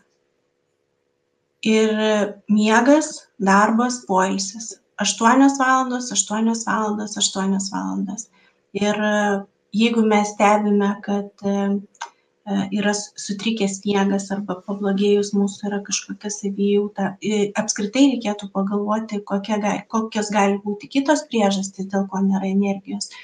Galbūt reikėtų kreiptis į šeimos gydytoją pasidaryti tyrimus jeigu kalbėt apie energiją. Čia gal juliau galėtum daugiau pasakyt ar ne kokios gali būti biologinės priežastys. O jeigu kalbėt apie psichologinės priežastis, tai relaksacija, e, įvairiausios e, mindfulness praktikos, kurios, kurios galėtų padėti e, veikla, veik, būtent veiklos, kuriuose jūs pailsite. Jau nekalbam tuo metu apie veiklas kurios teikia meistriškumo jausmą bet tuo metu veiklas kurios teikia atsipalaidavimo ir poilsio jausmą. Tai yra veiklos kurios mus atstato. Ir tai yra labai individualu tai gali būti e, sureguliavimas darbo ir poilsio režimo darbo poilsio miego režimo e, ir ir ir būtent tuomet apgalvoti kas kas man teikia e, būtent atstato atstato mano mano resursus individualiai. Dėkui labai, tai e, papildant reikia pasiklausti savęs, ar nėra biologinių faktorių, kaip pavyzdžiui, va, žiemą gali būti vitamino D trūkumas, gali būti skydliaukės funkcijos e, sutrikimai. Aš siūlau padaryti kraujo tyrimą ir pažiūrėti, ar ten viskas e, atvarkoja. Jeigu yra nuolatinis kažkoks tai nuovargio jausmas, pažiūrėti, ar nėra miego apneos, kas irgi labai sunki lyga ir dažnai sunkiai diagnozuojama. Bet kalbant apie psichologinius dalykus, tai yra, tai yra du dalykai. Aš labai pritarčiau, kad reikia nuolat savęs pasiklausti, kiek mes išnaudojam energijos ir specialiai savo susikūrėm įtampą atliekdami kažkokias tai užduotis. Nes galima tą pačią užduotį atlikti su daugiau įtemptų kūnų arba daugiau visokio įtempto proto ir streso ir galima lengviau. Kaip pavyzdžiui, groti fortepijonu, mes galime įsitempę labai ir galime groti lengvai. Tai aš siūlau ugdyti įgūdžius groti lengvai. Antras dalykas ir dar siekti to, savo tikslą, kaip aš galiu atlikti tą užduotį, pavyzdžiui, skaityti paskaitą arba bendrauti savo bendradarbiais. Kuo lengviau, kuo lengviau, bet tai nereiškia praščiau. Su kuo mažiau įtempto kūno, su kuo mažiau įtemptos vegetacinės nervų sistemos. O antras dalykas, aš siūlau keisti žodį polisis į žodžius jėgų atgavimas. Nuolat savęs pasiklausti tikslingai, kaip aš galiu atgauti jėgas pačiu geriausiu būdu dabar. Ir aš, pavyzdžiui, pasidalinsiu, man labai padeda du dalykai. Tai viena padeda trumpalaikis 15, 10, 20 minučių miegas. Aš galiu bet kur ant grindų, Atlina žino, aš mokymų metu atsigulu ant grindų, yra pertraukėlė ir užmiegu 10-15 minučių. Ir atsikeliu visai kitoks. O kitas dalykas priešingas - išeiti į gamtą, paliesti gamtos objektus, pasivaikščioti, pažiūrėti saulę, pažiūrėti dangų arba į lietų irgi, ir gali teigiamai veikti. Sąryšis su gamta labai labai padeda. Ir dar tada, Lina, dar kažkokį tai klausimą. Dar buvo klausimas, kaip elgtis, jei tiesioginis vadovas vidutinės grandies už nugaros kalba negražiai apie mane, bet tiesioginėme kontakte to neparodo lyg niekur nieko. Mhm. Tai e, mano toks atsakymas buvo priimti, kad jis taip kalba, bet kiek mes prisitaikome sau ar ne tos informacijos. Dažniausiai žmogui sukelia kentėjimą tai, kad mes klausome. Jeigu klausome, ką apie mus kalba ten ir taip toliau ir prisitaikome savo šimtų procentų. Bet e, gali būti, kad tai, ką žmonės kalba, tai nėra tiesa. Arba gali tik dalis tiesos būti. Tai tačiau, kai kalbam apie tą būtent prisitaikymą savo, kai yra emocinis, e, emocinis galvojimas ar ne, tai, tai mums tada, mums tada nėra labai malonu, kai mes išgirstame kažkokius tokius dalykus. Bet aš taip noriu pasakyti, kad mes patys nesame šventi ir mes apie kitus žmonės taip pat kažką tai galvojame, ar ne? Ne visuomet viską išsakom, bet kažkokių minčių ir, tarkim, ir šio seminaro metu turbūt įsijungė ir jūsų vertintojai, ir kritikai, kaip čia kas yra, apžiūrėjo ir taip toliau. Tačiau mes ne viską išsakom, ką mes galvojam. Bet yra žmonės, kurie išsako tos akimirkos patirtį, bet po kurio laiko jis galvoja jau kitaip. Tačiau mes prisimename tą informaciją ir iš to mažo gabaliuko informacijos nupiešiame visą bendrą vaizdą. Ir būtent tada mums ta tikrovė atrodo tokia niuri, bet gali būti kad vadovas apie jus daug gerų dalykų pasakė bet tas žmogus kuris persakė jums tą informaciją to dalyko nepaminėjo nes manė kad tai nėra svarbu tai aš taip labai kviesčiau e, mokytis e, į save žiūrėti objektyviai ir kitų žmonių išsakytą nuomonę priimti kaip nuomonę, kad kiekvienas žmogus turi tokią teisę, bet neapsispręsti priimti tos nuomonės e, savo šimtų procentų. Ką, Juliau, gali galvotumėte šitoje vietoje?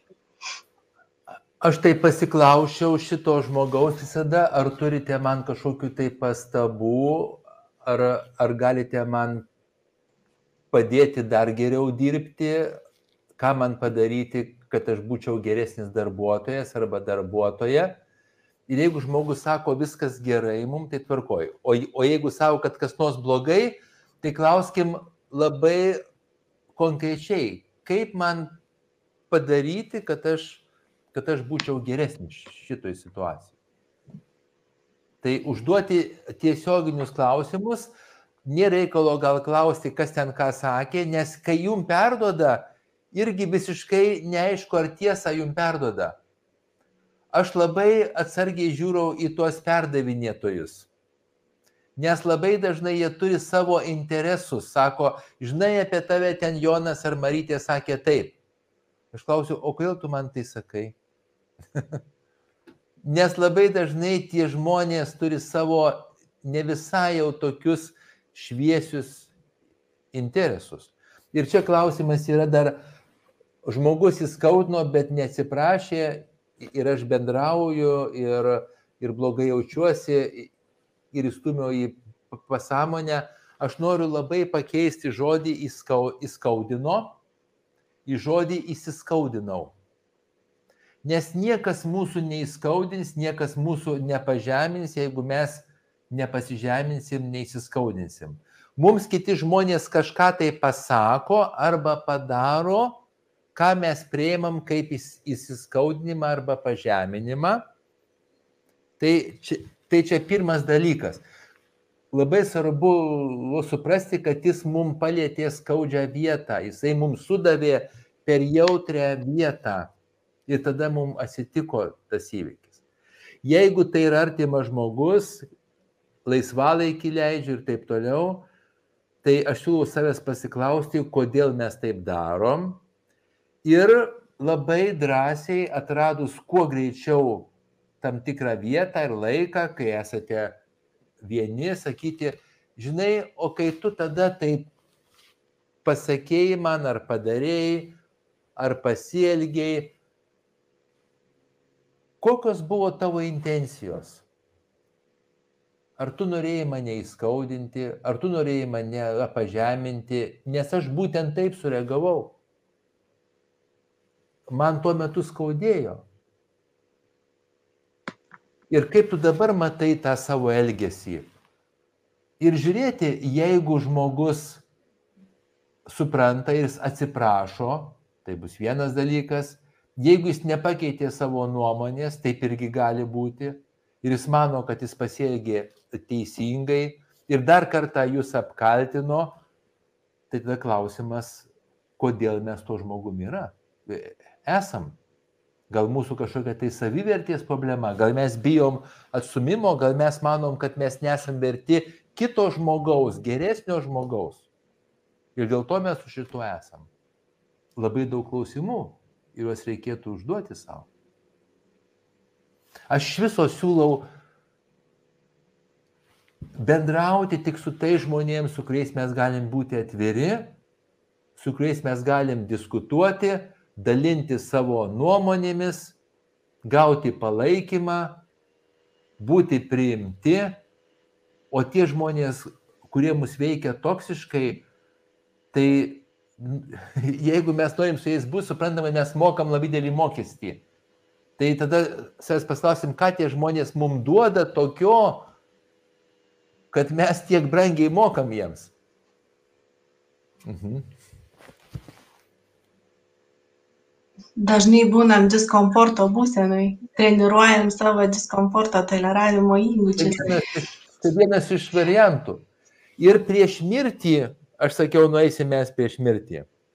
Arba kentėjime, jeigu mes sergam ir patiriam skausmą, ar patiriam kažkokius tai iš, iš, iš tikrųjų išgyvenimus, kaip, pavyzdžiui, artėjančią mirtį tai mes galime įjungti savo smalsumą ir pradėti tyrinėti šitą procesą, kas čia vyksta. Ir mes žinom istori, istoriškai, kad daug taip yra žmonių ir gydytojų yra, kurie aprašinėjo visus savo procesus, kas vyksta. Taip. Ir kai mes įjungiam smalsumą, tada išnyksta kančia. Nes išnyksta negatyvus santykis su skausmu arba diskomfortu ir tas santykis tampa pozityvus, nes man smalsu matyti, kas čia vyksta ir kas čia darosi. Mhm. Aš galiu pasidalinti tokią patirtim. Vienas žmogus yra išsakęs tokią mintį, kad netgi mirties akivaizdoje mes turim keletą variantų mirti susitaikius, mirti nesusitaikius ir mirti su šypsena. Bet kai kalbam apie būtent tą gebėjimą priimti, ar ne pačią, pačią, patį faktą, ar ne, kad senka jėgos, kad nebegaliu aš, nebegaliu funkcionuoti taip, kaip funkcionavau anksčiau, tai vėlgi mes susidurėm, tarkim, tame, tame etape, kai žmogui sunku priimti save tokį, koks jis yra. Ir įsijungia priešiškas reagavimas, aversinis reagavimas tam, kaip yra. Ir šioje vietoje mes susidurėm su įtin skausminga patirtim, todėl kad realybė yra tokia, kad tu neturi jėgų, realybė yra tokia, kad tu negali kažkur eiti, bet tavo įsivaizdavimas apie save yra tarsi tu turėtum eiti, tarsi tu kažką tai turėtum daryti, tarsi dar nelaikas ir taip toliau. Ir šioje vietoje būtent aversinis reagavimas, priešiškas reagavimas tam, kas vyksta ir sukelia labai stiprų kentėjimą žmogui. Ir kai mes išmokstame mindfulness praktikos ir mokomus, išmokstame atsisakyti priešiško reagavimo, mokantis priimti realybę tokią, kokia jinai yra su tokia nosim, su tokiom ausim, tarkim, su savo, tokia, su savo tokiu kūnu, arba su sergančiu kūnu, arba su sergančiam kūno dalimis, priimant tą savo kūną tokį, koks jis yra šiuo metu. Ir šioje vietoje, jeigu kalbam apie tą būtent e, e, aversinį reagavimą, tai iš ties e, gyvenimo eigoje mes jo turim labai daug nenorėjimo priimti tos realybės tokia kokia jin yra ir bandant ją nuolatos keisti tai būtent šis mechanizmas ir palaiko mūsų kentėjimą ir palaiko mūsų e, skausmą kurio mes galėtume išvengti priimdami ir mokydamiesi priimti realybę tokią kokia jinai yra be reikalavimų kokia jinai turėtų būti mhm. Ir čia yra klausimas, buvo mums prieš transliaciją, kaip gyventi su chroniška lyga, tai apie naujus metus aš darysiu tokį specialų mokymą, mokymo grupę žmonėms, kurie serga chroniška lyga. Yra aiškios metodikos kognityvinės elgesio terapijos ir mindfulness technikos specialiai pritaikytos chroniškai lygai. Bet, bet va tai, ką mes čia kalbam, viskas tinka. Tyrinėti, praktikuoti atjautą savo, mokytis tvarkytis geriausiais būdais su simptomais ir, ir aukti per mokėjimą sutvarkyti ir gerinant savo kompetencijas, tokiu būdu aukti kaip asmenybėm, aukti kaip žmonėm.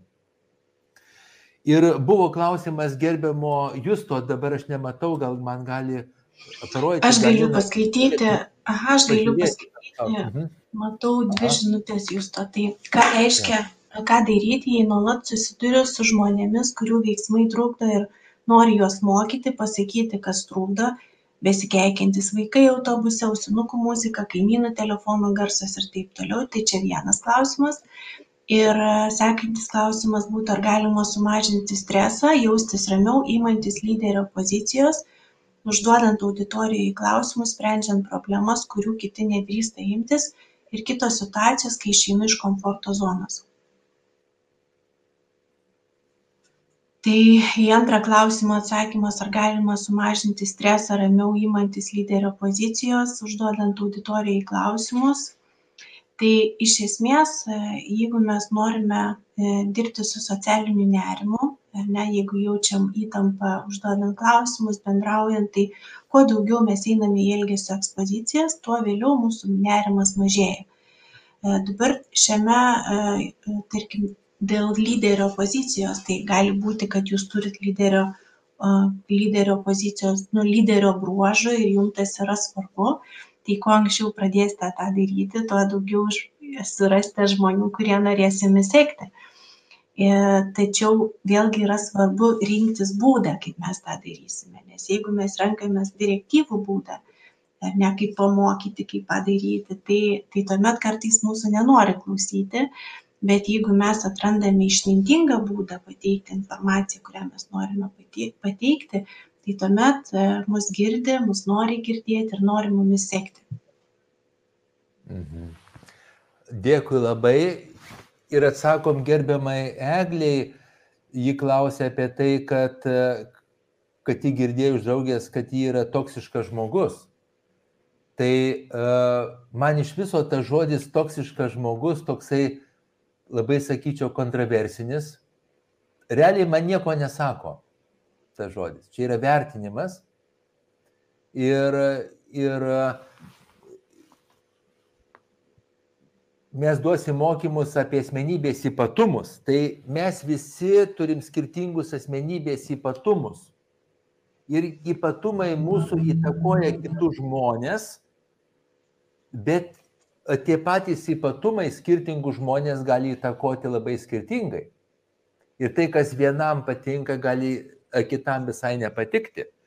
Tai jeigu pas mus labai yra ryškios asmenybinės e, savybės, kaip pavyzdžiui, labai stiprios emocijos, arba labai dėlis noras kontroliuoti kitus žmonės, arba labai dėlis narcisizmas ir egocentrizmas, arba labai, dalesim, antisocialumas ir mes ir ir mes nuolat manipuliuojam kitais žmonėm, tai gali neigiamai įtakoti kitus žmonės, bet jeigu mes norim su šituo tvarkytis, mes turim patikslinti, mes turim sukonkretinti.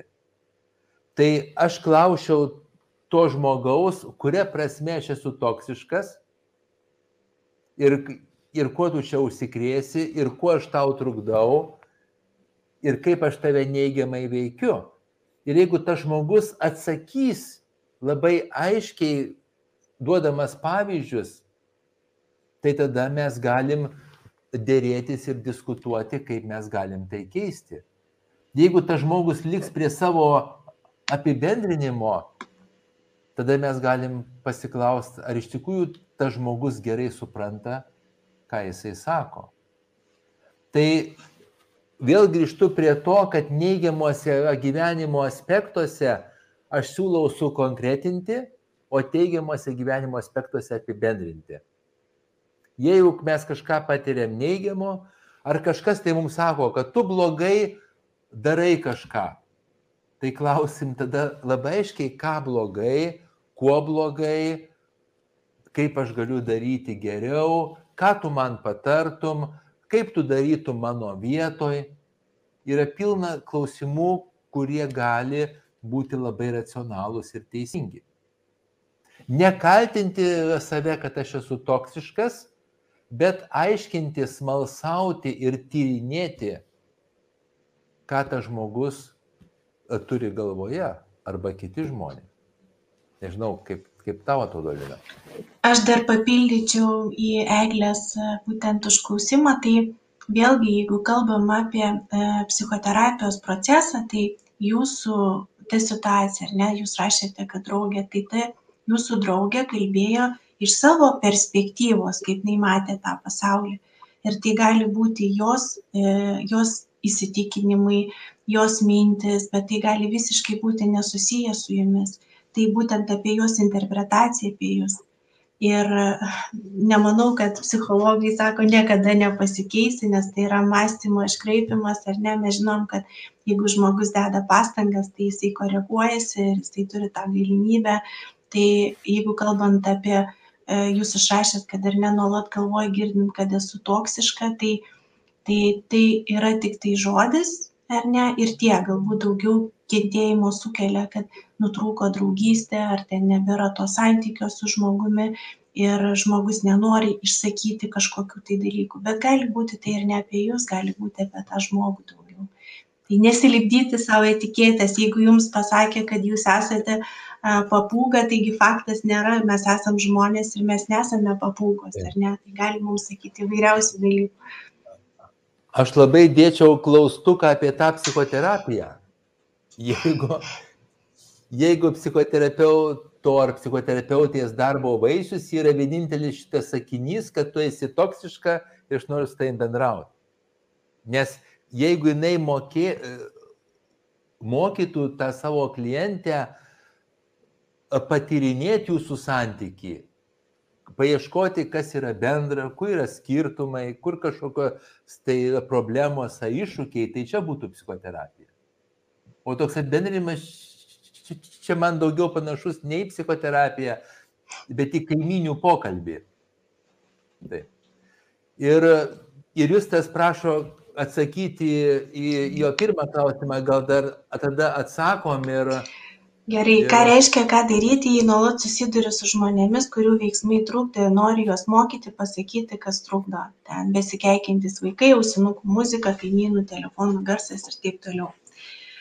Ką reiškia? Reiškia kad jūsų smegenys reaguoja į dirgiklius tai kas vyksta jautriai reaguoja ir ir iš esmės tie dirgikliai arba trigeriai su mumis yra kiekvieną dieną. Ir mes iš tiesų daugelis iš mūsų juos juos girdime matome. Ir šioje vietoje skiriasi tiktai mūsų reagavimas į tai kaip kas vyksta. Ar mes reaguojame ar mes atreaguojame ar mes pasakome. Ir jums svarbu būtų pačiam sau atsakyti į klausimą. Vat kokios mintys kyla kai norite juos ten pamokyti ar pasakyti. Ir ir kas atsitiktų tokio jeigu apsispręstumėte to nedaryti. Pabandyti paieškoti skirtingų būdų ir pažiūrėti pažiūrėti kaip jus tai veikia. Taip tai jeigu mes norime mokyti dėl to, kad tai mums svarbu vertybiškai, tai irgi vertėtų užduoti klausimą, ar mes galim sukontroliuoti visą gyvenimą ir visus žmonės, ir kiek mums tai kainuos, ir ko mes e, pasieksime, ir gal geriau savo pastangas nukreipti į kažkokią, nežinau, švietėjišką veiklą, į savo šeimą, į savo aplinką, o ne į autobuso bendrakeleivius. Antras klausimas, jeigu mus tai dirgina, tai iš tikrųjų, nes mūsų reakcijos yra mūsų reakcijos į stimulus. Ne stimulai mus veikia, bet mūsų reakcijos į juos. Tai čia irgi labai svarbu užduoti. Ir, ir mes nuolat, nuolat galim savęs klausti, kokį gyvenimą mes norim gyventi šiandien. Nuolat. Ir rinktis iš kuo daugiau variantų. Tai ačiū Jums labai, mėlyjeji. Mes niekaip čia mes galim tada labai ilgai būti, bet aš kviečiu užduoti klausimus po mūsų įrašu. Bus įrašas ir mes pasistengsim, kiek mūsų galimybės leis atsakyti į tuos klausimus toj pačioj platformai. Jeigu klausimai bus Facebook'e, tai Facebook'e, jeigu YouTube, tai YouTube, kiek išeis, kiek mums gausis, bet taip kviečiu jūs dalyvauti kitose mūsų e, transliacijose, kviečiu dalyvauti mūsų seminaruose. Mes tikrai norim pačiu efektyviausiu būdu, pačiu trumpiausiu mažiausiai paimant jūsų resursų, laiko, duoti kuo daugiau naudos. Tai ačiū labai Linai, iš tikrųjų šauni pradžia, šaunus debutas, mes kviesim, mes kviesim ir daugiau Liną. Ačiū Jums visiems. Ačiū Jums visiems, ačiū visiems, kad buvote. Gražaus vakaro.